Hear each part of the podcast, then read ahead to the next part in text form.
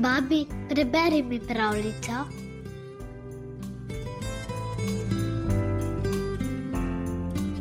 Tudi Angleži si pripovedujejo pravljico o drobnem palčku.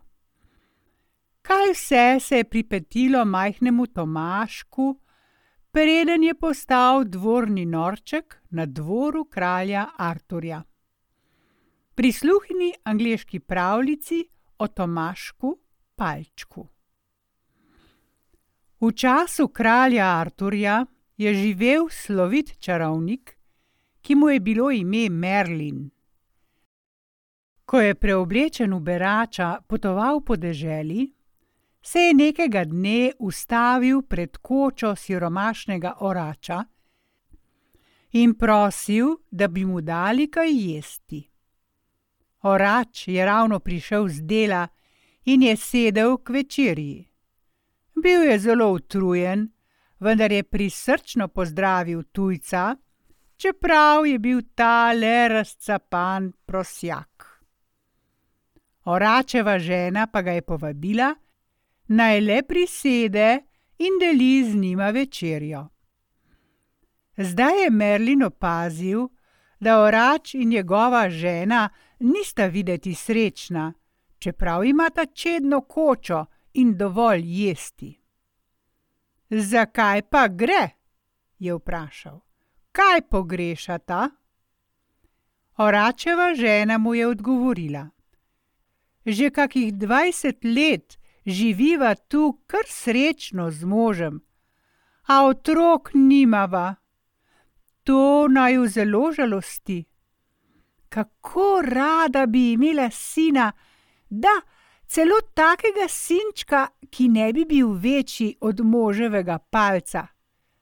Naj bi bil še tako majhen, jaz se zato ne bi menila, da bi ga le mogla imenovati svojega in skrbeti zanj. Berač ni nič rekel in se je kmalu nato poslovil. Ko pa je Merlin premišljeval, kar mu je uboga žena povedala, je dejal sam pri sebi: Dobra misel, dati ženi natanko tisto, kar si želi. Zato je pričaral, da je oračeva žena dobila majcenega dečka, nič večjega od oračevega palca. Prisrčno sta ga ljubila in mu dala ime Tomažek Palček. On pa ni zrasel niti za centimeter, ampak je bil vedno tako velik kot očetov palec. Neke mesečne noči se je zgodilo, da je kraljica Vil pokukala skozi okno v kočo. Zletela je noter in poljubila Tomaška. Svojim vilam pa je velela, naj mu naredi oblekico.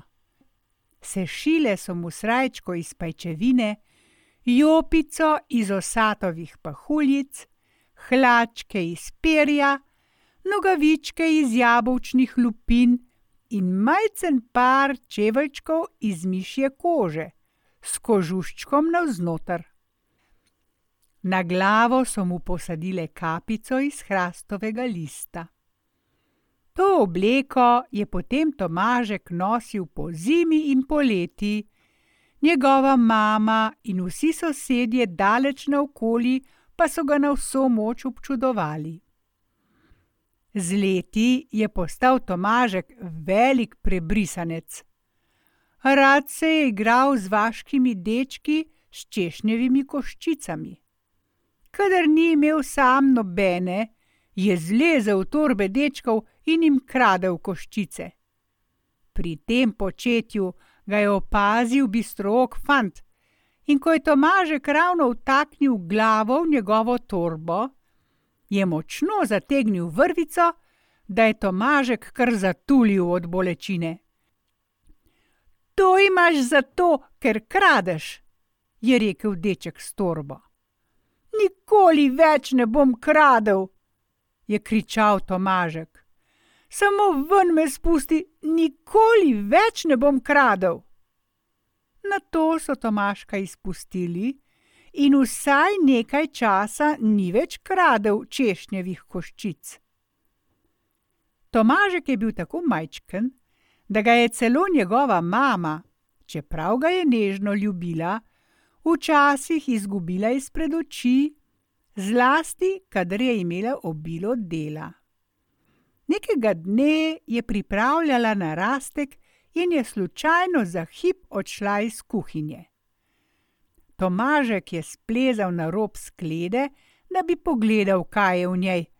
Zdrsnilo mu je in čof, je padel naravnost v testo. Mati je stresla testo v ponev in ga začela peči.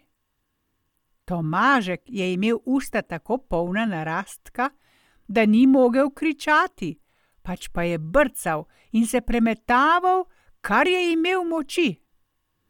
Na, kaj takega? je vzkliknila Tomaškova mama. Ta narastek je začaran, nekakšen zli duh je zlezel van in zato ne bo za rabo. In zagnala je narastek skozi okno. Slučajno pa je šel takrat mimo neki kotlar, in ker je bil lačen, je menil, da mu bo narastek kar prav prišel za kosilo. Pobral ga je in vtaknil popotno torbo. Pri tej priložnosti pa si je Tomažek že osvobodil usta in je začel na vz glas upiti. Jej, hata, je rekel kotlar, kaj pa je zlezlo v mojo torbo? Gotovo me je prišel kak zli duh strašit, ker sem pobral narastek. Ne da bi pogledal v torbo, jo je naglo odprl in iztresel vse. Tomaška, narastek in kar je bilo še drugega v torbi. Tomažek je otresel ostanke testa z obleke, pobral kapico iz hrastovega listja in stekel domov, kar so ga noge nesle. Mama je bila vsa iz sebe od veselja, da ga spet vidi. Mu pripravila skodelico tople vode za pošteno kopel, ga poljubila in položila v posteljo. Naslednji dan ga je mati vzela s seboj na polje, ko je šla most kravo. Dan je bil vetroven in bala se je, da ne bi dečka odneslo. Zato ga je za ta čas, dokler bi mozla, privezala k nekemu osatu. Krava pa je videla le njegovo kapico iz hrastovega lista in je mislila, da bo kar slasten zalogaj. Hlastnila je po vsatu s Tomaškom vred. V kravjem gobcu se je Tomažek zgrozil nad dvema vrstama velikih zob, zato je zaupil, kar je imel moči. Mama, mama, na pomoč! Kje pa si?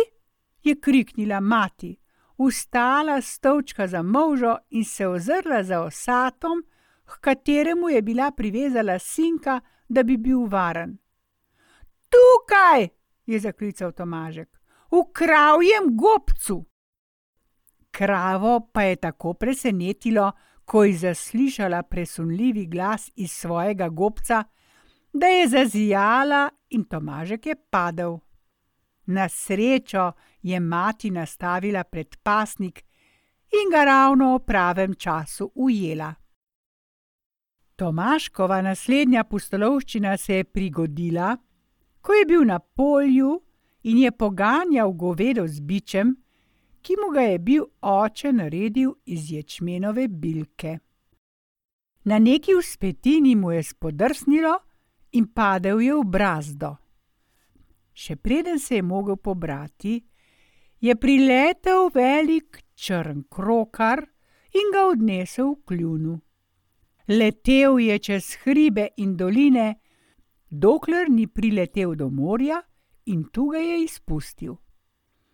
Tomažek palček je padal in padal, dokler ni štrbunknil v vodo. Tedaj pa ga je, ham! pogoltnila velika riba s široko odprtimi čeljustmi in odplavala z njim po morju. Toda ribiška ladja je ujela ribo v mrežo in naslednji dan so prav to ribo s Tomaškom v trebuhu odnesli na dvor samega kralja Arturja. Kako je bila presenečena kuharica, ko je odprla ribo, da jo pripravi kralju za obed, pa je našla v ribjem trebuhu Tomaška. Bil je živ in zdrav, le nekoliko preplašen zaradi te dogodivščine. Vse pomivalke in kuhinjske dekle so se zbrale okoli njega in ga ogledovale. Potlej ga je kuharica odnesla samemu kralju. In Tomažek je stal na kraljevi mizi, se priklanjal in snemal klubuček iz hrastovega lista pred vsemi gospemi in vitezi okrogle mize. Smejali so se in ploskali, in že je bil Tomažek imenovan za kraljevega priklikavca in ljubljenca. Vsi so se čudili, odkot prihaja. Samo čarovnik Merlin bi mogel povedati, a ta je molčal. Povej mi, no, kakšna sta tvoja starša? je rekel kralj nekega dne Tomašku. Ali sta tudi drobljanca, kakor ti? Kje pa? je odvrnil Tomažek. Moj oče in mama sta uboga delovna človeka, kakor vsi, ki delajo na poljih. Nič večja in nič manjša nista, kakor drugi. Ampak morda sta revnejša od večine. Kralj, ki je imel zelo rad Tomaška, je dejal: Pojdi v mojo zakladnico, kjer imam spravljen vse denar, in vzemi zlata in srebra, kolikor ga moreš nesti. Pojdi z njim domov in ga daj ubogemu očetu in materi. In Tomažek je odšel v zakladnico kralja Arturja s torbo, narejeno iz vodnega mehurčka. Toda vanjo je mogel spraviti le srebrnik, in še ta je bil zanj skoraj pretežak. Odšel je na pot, opotekajoč se od bremena na hrbtu, do doma pa je potreboval dva dni in dve noči. Oče in mati sta bila presrečna, ko sta ga videla. Skuhala sta imeniten obed in sta si dala obilo opraviti okoli njega, kajti bil je pol mrtev od utrujenosti, ker je nesel tako daleč srebrnik. Starša sta bila ponosna, da imata srebrnik, posebno, ko sta izvedela, da je darilo samega kralja Arturja. Tomažek pa je nekaj večerov pripovedoval o svojih dogodivščinah na dvoru. Pravil je, kako zelo ga imajo radi vsi plemeniti gospodje in gospe. Čez nekaj tednov jo je poljubil za slovo in se vrnil na kraljev grad, kajti bal se je, da bi kralj utegnil pogrešati svojega pritlikovca. Na dvoru pa so bili vsi zelo zadovoljni, da ga imajo spet med seboj. Ni časa, da bi vam pripovedovala o vseh naslednjih prigodah, za konec pa vam bom opisala, kako ga je kralj Artur imenoval za viteza. Najprej je moral dobiti novo obleko, kajti tista, ki jo je bil prejel od vilinske kraljice, se je raztrgala in razpadla ob njegovih dogodivščinah v narastku, v kravjem gobcu in v veliki ribi. Zato so dobili dvorni krojači ukaz, da mu se šijejo nov plašček iz metuljih krilc, kraljevi čevljar pa mu je naredil par škorenčkov iz kurje kože. Na to je bil pred zbranim dvorom odlikovan za viteza. Za meč so mu dali šivanko, na mesto konja pa gibko belo miško. in tako je hodil ob lepih dneh z dvorjani na lov. Ob boku mu je bingljal meč, pod njim pa je stopical njegov mišji kon. Kralj je dal narediti zanj razkošen naslonjač, da je lahko sedel na kraljevi mizi in med obedi zabaval kraljico. Postavili so mu tudi majhno zlato palačo s palec velikimi vrati, da bi v njej prebival. Vendar pa pri vsej tej imenitnosti plemeniti Tomaš Palec, kakor so mu sedaj pravili, ni nikoli pozabil svojih skromnih staršev. Vsak mesec je odjahal na svoji beli miški k njuni koči na deželi in zabaval stare ljudi z zgodbami in novicami z dvora kralja Arturja.